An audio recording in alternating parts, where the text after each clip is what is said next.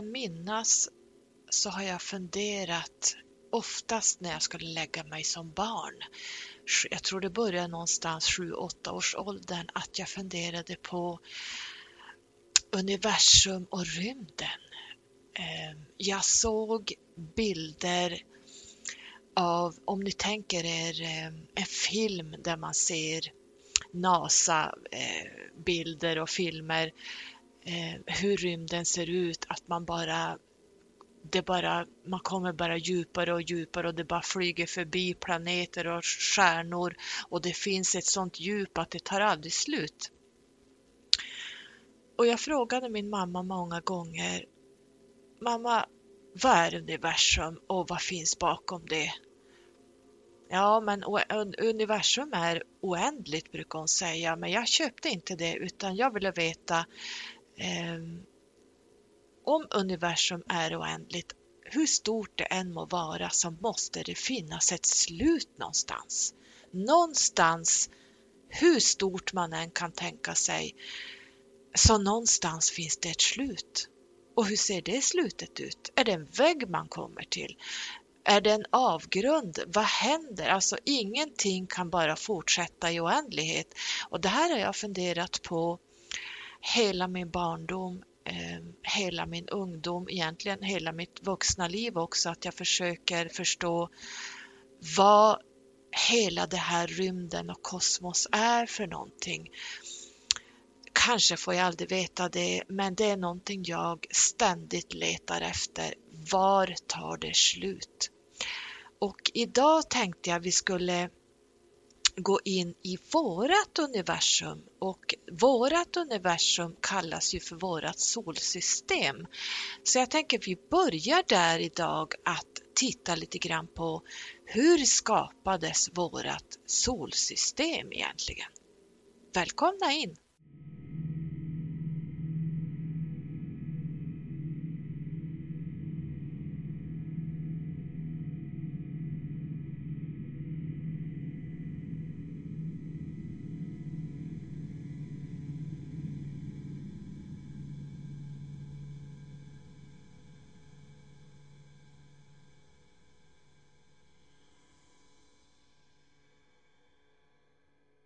Ja, välkomna tillbaka till Skyrocket-podden ska ni vara, både gamla och nya lyssnare.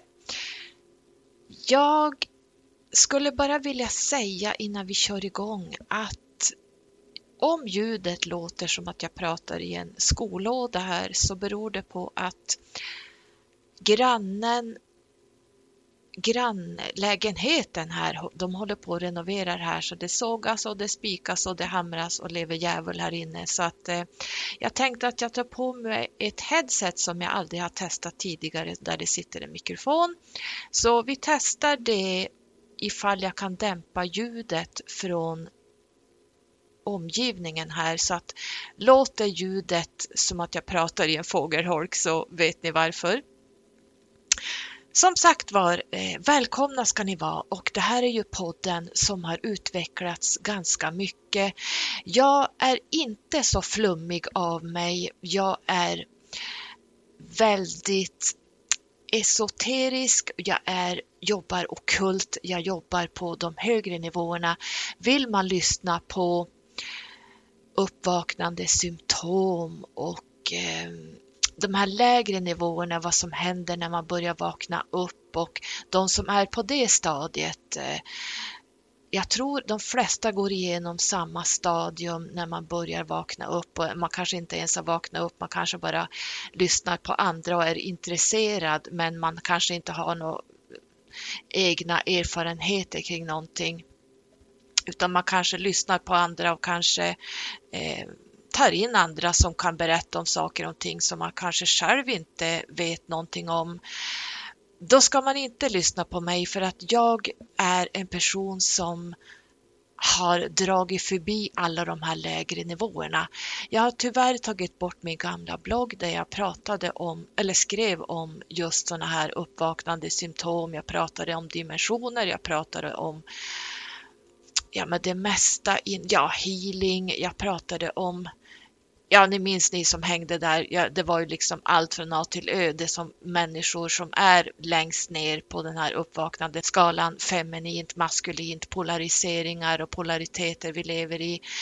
Ehm, då kanske man inte ska lyssna på mig, utan jag jobbar numera på lite högre nivåer. Ehm, jag jobbar med kanske lite större frågor eh, lite mer esoteriskt, lite mer evidensbaserat.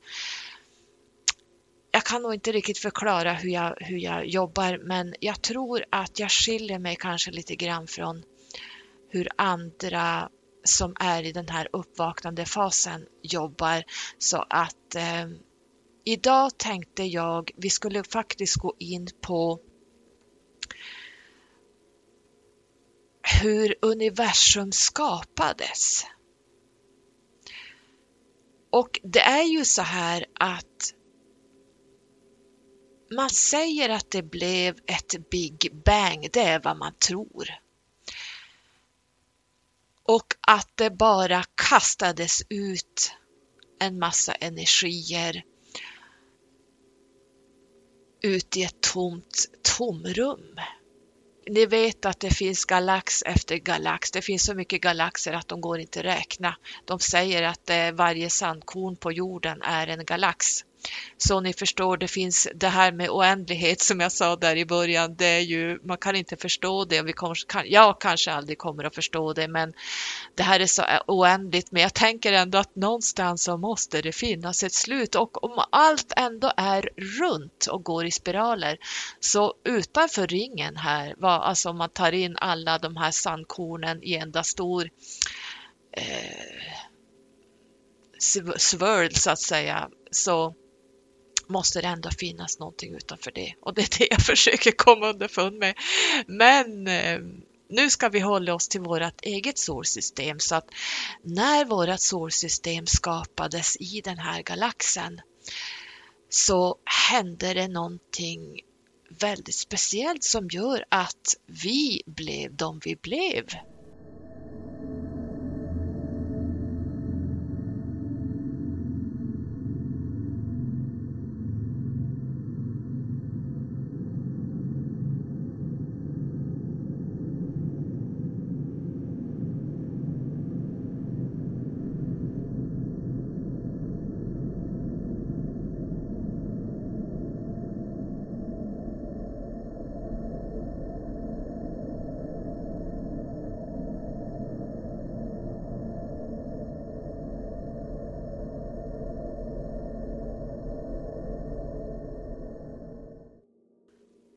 Var ju bara ett enda kaos i vårt solsystem när det skapades. Det bara flög omkring planeter och asteroider och en massa annat skräp som krockade med varann och det, det var stora kollisioner och det var, ja, det var bara kaos eh, överallt för många miljoner år sedan. Och den största planeten, eller egentligen solen är ju störst, men Jupiter är ju faktiskt den största gasjätten vi har i våra solsystem.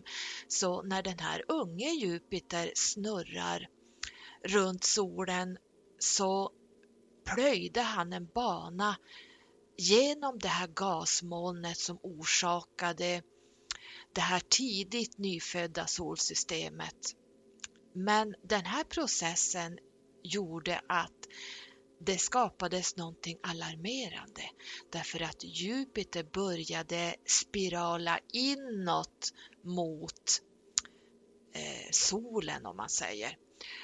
Och han plöjde sig genom rymden, rymdens region som kommer att bli asteroidbältet. Så när våran unga Jupiter för några miljoner år sedan rörde sig genom det här asteroidbältet så kastades allt omkring. Det bara liksom bara pum, pum, det var bara explosioner och bla bla bla.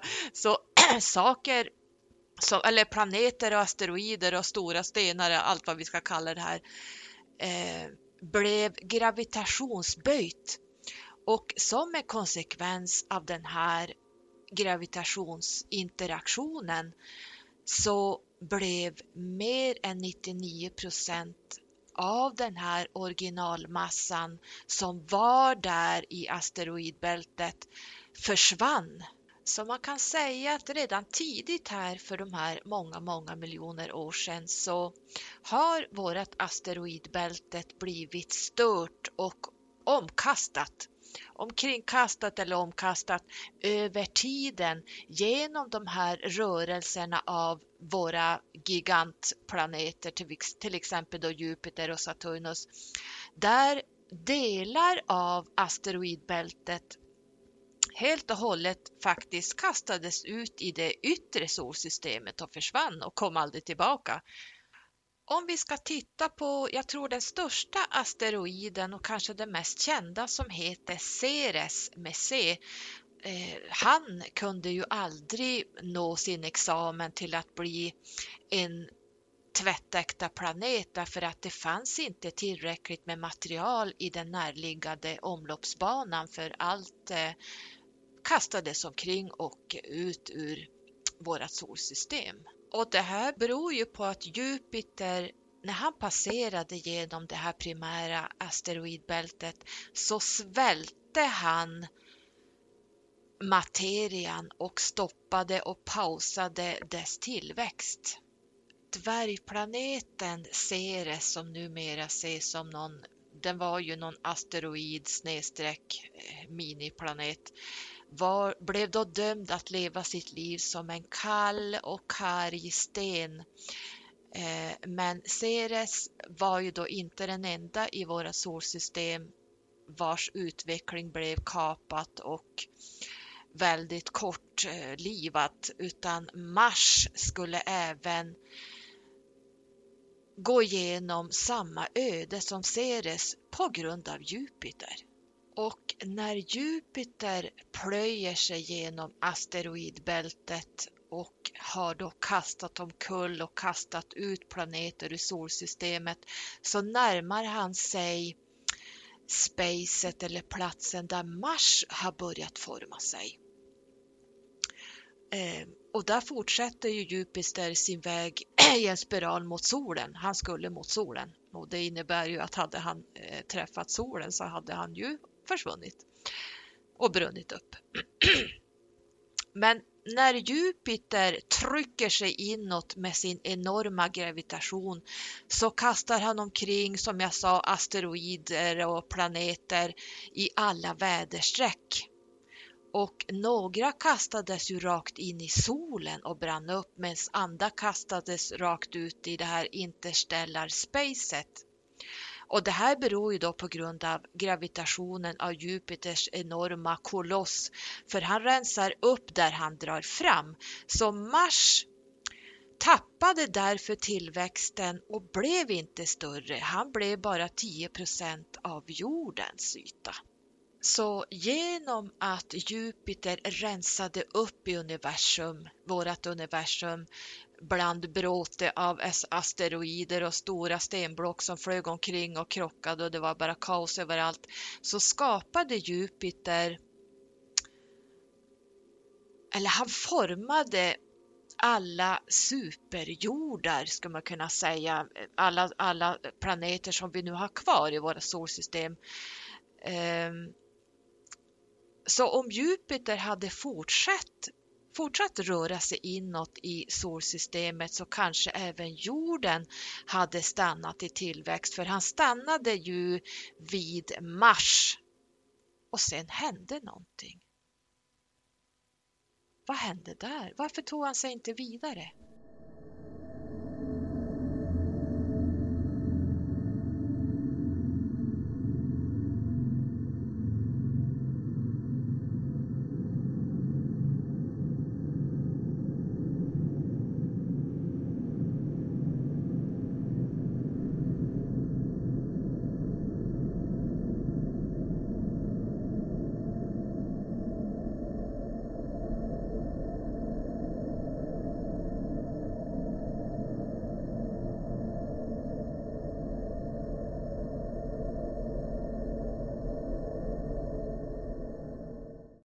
Men plötsligt när det ser ut som att Jupiter kommer att svepa bort och rensa bort allt i sin väg mot solen så stannar han helt plötsligt. Det tog bara stopp. Han stannar vid Mars. I skuggorna av det yttre solsystemet har det formats en annan planet. Solsystemets nästa gasgigant och ni vet vem jag pratar om, Saturnus. Han låg precis bakom Jupiter i skuggorna. Och medan Jupiter rör sig inåt mot solen och plöjer sig fram rörde sig då Saturnus precis bakom och kom ikapp Jupiters omloppsbana. Och när det här hände låste de sig i en speciell konfiguration som kallas Mean Node Resonance, det vill säga då planeterna börjar interagera gravitationsmässigt på ett väldigt sammankopplat sätt. Eh, de låste sig i varann som en enhet. De omvände sin migrationskurs och började röra sig bakåt igen. Man skulle kunna säga att Saturnus slängde ut ett ankare och högg tag i Jupiter och slet tillbaka honom. Och det är ju så här rent astrologiskt sett att eh, Saturnus håller koll på Jupiter. Saturnus eh, ser till att Jupiter inte eh, bara kastar sig ut i saker utan att tänka vad som kommer att hända. För skulle inte Saturnus hålla koll på Jupiter, då skulle vi krascha in i allt möjligt. Då skulle vi förgöra oss själva. För Jupiter tänker inte efter, han bara expanderar och kör framåt. Ehm, så vi ska tacka att Saturnus kom och räddade hela solsystemet för att hade Jupiter fortsatt eh, sin bana mot solen så hade han ju dels själv gått under och brunnit upp och säkerligen hade kanske även vår planet jorden blivit en iskall död asteroid som bara åker omkring. Eller även vi kanske hade kastats in i solen eller långt ut i, i den yttre rymden. Så Saturnus tvingade Jupiter till reträtt att underkasta sig. Jupiter lämnade kvar precis lagom med materia så de inre planeterna kunde växa och formas. Till exempel Merkurius som ligger närmast solen, vi har Venus på andra plats och så sen har vi vårat hem jorden. Och på tal om jorden så ligger den i en exakt position för att skapa liv. Så om Jupiter hade fått fortsätta att kasta ut delar från området vi lever nu i, där platsen via det inre solsystemet, vem vet, kanske och troligtvis hade vi ju aldrig utvecklats eller våran moder Gaia, våran jord, hade dött. Det hade inte blivit någonting av våran planet. Så tack att vi har Saturnus som kom där i skuggorna och slet tag i Jupiter och drog tillbaks honom att förgöra hela det, eh, vårat solsystem. Och Jupiter hjälper till på ett perfekt avstånd med hjälp av Saturnus att bistå oss med vårat mest, eller våran mest viktiga ingrediens. Och vad är det? Jo, det är vatten. Idag är två tredjedelar av våran planet vatten. Alltså mer än 1,3 kubikkilometer är vatten. Och varje droppe strålar av liv. Den stora frågan är hur kommer det sig att just våran planet har begåvats med vatten. Man säger som så att de inre planeterna hade inte vatten, men vatten finns däremot i de yttre delarna av solsystemet men inte i de inre delarna av solsystemet. Och eftersom Jupiter och Saturnus rör sig utåt gör gravitationen av de här två jättarna att vattnet skickas inåt mot det inre solsystemet. Så Jupiter som är låst i en gravitationsdans med Saturnus så rör sig Jupiter bakåt igen genom asteroidbältet och när så sker så pressas vattnet inåt mot oss. Eh, där det är inkorporerat i den växande markbundna världen vi då eh, känner till och lever i. Så rörelserna av, det här, av de här två giganterna har spelat en stor roll att leverera vatten till det inre solsystemet. Och på ett sätt är det Jupiters utåtgående rörelse genom asteroidbältet vi har att tacka för leveransen av vatten. Vi hade inte haft jorden om Jupiter inte hade dansat med Saturnus.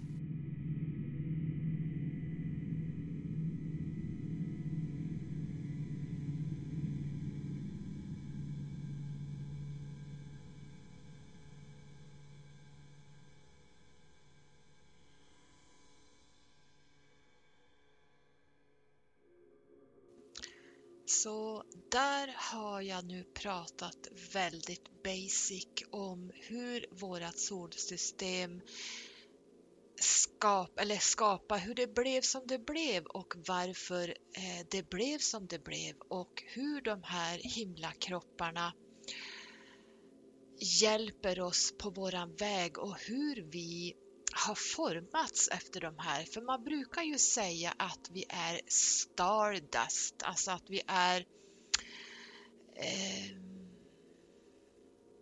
stjärn... Vi, vi kommer från stjärnorna, vi är stjärnstoft på något sätt. Och det är precis vad vi är i ordets bemärkelse. Vi har egenskaper från alla planeter i oss. I allt det vi är och det vi gör. Och det här är så avancerat eh, och så stort att jag måste göra en serie kring det här. Och det jag egentligen har specialiserat mig på och dit jag vill komma, det jag kommer att göra en serie om som jag skvallrat om i förra avsnittet, det är att jag har gjort ett special eh, specialitet, vad kallas det för, en special eh, kring Saturnus. Därför att han är det högsta i vårat solsystem. Nej, men nu svamlar du. Saturnus anses ju vara djävulen själv Saturnian people, eh, satanister och eh, eh alla de här eh, mörka magikerna som håller på med, med Saturnus.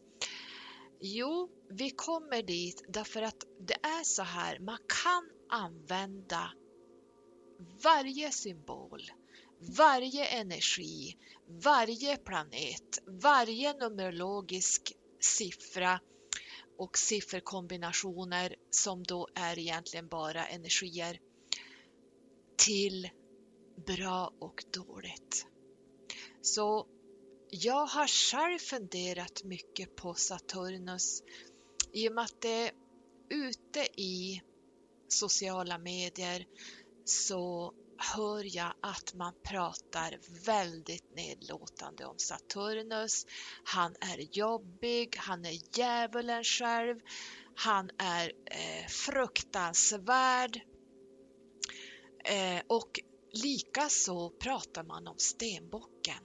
Stenbocken är tråkig, stenbocken är hårt arbetande, stenbocken är så känslokall, stenbocken pekpinnar och säger vad de tycker och tänker. Stenbocken är eh, Ja, allt det här dåliga hör man kring stenbocken. Och jag som har levt med Saturnus, jag brukar säga att han är min pappa, blir jävligt irriterad därför att jag tror inte människor förstår vad Saturnus är för någonting.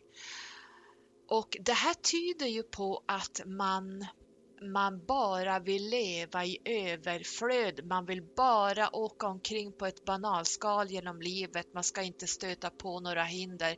Man ska vara som Jupiter, bara köra framåt och liksom skita i händelser och att man kanske till och med går under längre fram för att man tänker sig inte för. Man stoppar inte upp och liksom kollar av, shit vad händer om jag drar på den här vägen i full fart och utan att titta åt sidan eller bakåt eller tänka till. Och jag tycker mig att den här händelsen jag pratat om, det som skedde i vårt universum när Saturnus gick in och kastade ut sitt ankare och slet tag i Jupiter och sa stanna för helvete annars förgör du både dig själv och allt annat i det här solsystemet. Så det får bli grunden till när jag pratar om Saturnus, för då tror jag man förstår lite grann vad stenbockar och Saturnus har för uppgift. Saturnus är fadern och ni som kan kabbalan, eh, Tree of Life, Sefirot, ni vet att det finns en triangel längst upp i det här kabbala-trädet. Och högst upp är Keter. Keter är viljan, Keter är alfan, Keter är anden kan man säga, det högre jaget eller Gud om man så vill. Direkt underställd Keter finns det två planeter och det är Uranus på vänster sida och han kallas för Chokma. Och till höger så har vi Saturnus. Saturnus heter i kabbalan Bina och det betyder förståelse medan Uranus heter då som jag sa Chokma och betyder visdom så att man måste ta sig förbi de här två om man överhuvudtaget ska utvecklas och ta sig ur det här karmiska hjulet.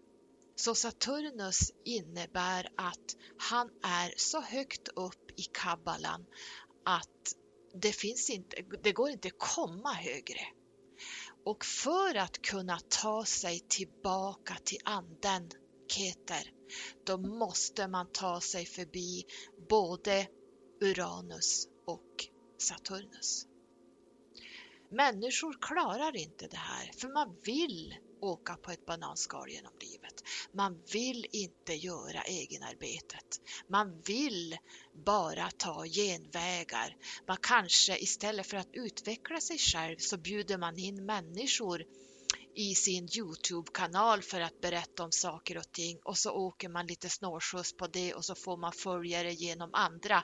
Men man gör inte arbetet själv som till exempel jag gör eller andra som sitter själva och gör ett tungt djupdykande arbete och därmed expanderar uppåt i om man vill säga den här spiralen eller i den här kabbalaträdet för vi måste göra egenarbetet. Det finns inga shortcuts, det finns inga genväg att ta sig uppåt mot anden och tillbaka utan man får göra om och göra om liv efter liv och i varje liv så vill du liksom bara glida omkring på ett bananskal och så fort du stöter på patrull eller svårigheter det är då Saturnus bromsar dig och säger stanna, han, precis som när han tog tag i Jupiter, stanna för helvete och fundera på vart är du på väg? Är det här rätt väg du är på just nu? Kanske du ska liksom backa här och stanna här och eh, kolla liksom vad det är som händer och du pysslar med. Det här klarar inte människor av. Så att eh, Saturnus är fadern. För att ta sig förbi honom och Uranus, då måste man liksom göra det här arbetet att klara av Saturnus lärdomar. Han är ledaren, han är ledaren och den som är en stenbock är en naturlig ledare. Det är liksom, du, du, har det, du har tagit på dig det när du går in som en stenbock, att du är en, automatiskt en ledare. Eh, Saturnus är dynamik och alla har Saturnus någonstans i sitt horoskop.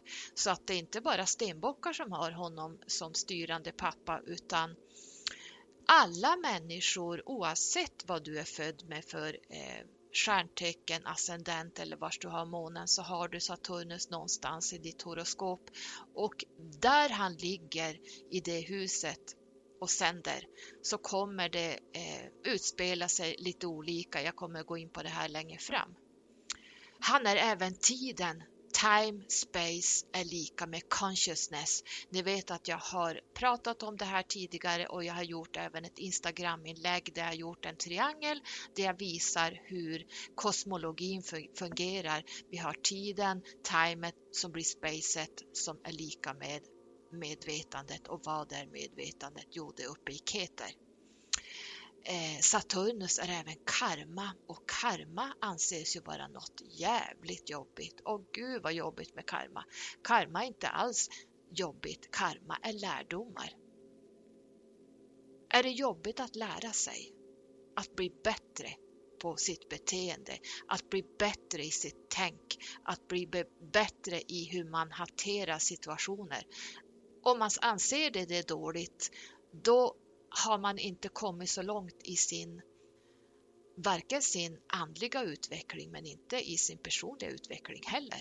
Varför tror ni att vi har eh, Saturn Returns var 28 30 år? Det finns en anledning till det. Eh, Saturnus i sin första Saturn Return, det är här vi lämnar barndomen, det är här vi blir vuxna. Det är här vi liksom mognar till och börjar ta tag i våra liv och titta, var ska jag? Vem är jag? Varför är jag här? Ehm, och så att man hamnar på rätt plats i livet. Och i en Saturn return som pågår ungefär i tre år så kan det vara rätt omtumlande om man är helt på fel vägar. Ehm, man kanske kastar ut sin sambo, man kanske byter jobb, man kanske flyttar, man kanske gör om, man kanske blir mamma är plötsligt eller pappa. Det händer oftast väldigt mycket i ens Saturn return. Det finns en anledning till varför det här händer. Varför ska vi liksom gå igenom en Saturn return, alltså Saturnus återkomst var 28 år ungefär? Jo, därför att vi ska kunna expandera tillbaka i, mot Keter, anden i det här eh, livets träd, Sefirot, Kabbalans träd. Vi kan inte hålla på och svamla på här nere. Eh, livet här är endast en skola. Ingenting annat än lärdomar av en skola. Det är bara därför vi är här. Jag kan säga att vi inte är här för att ha roligt eller glida omkring på bananskal. Och men det känns kul emellanåt att vi faktiskt kan göra det. Och är det så att man gör det, ja men då har man fritt flöde för då har man jobbat sig så pass högt upp att man har jobbat bort de här hindren, man har jobbat bort det här som Jupiter bara kör framåt och inte tänker sig för. Utan då har man lärt sig vissa saker och det innebär att då släpper Saturnus tyglarna och släpper iväg dig igen. Varsågod, have fun!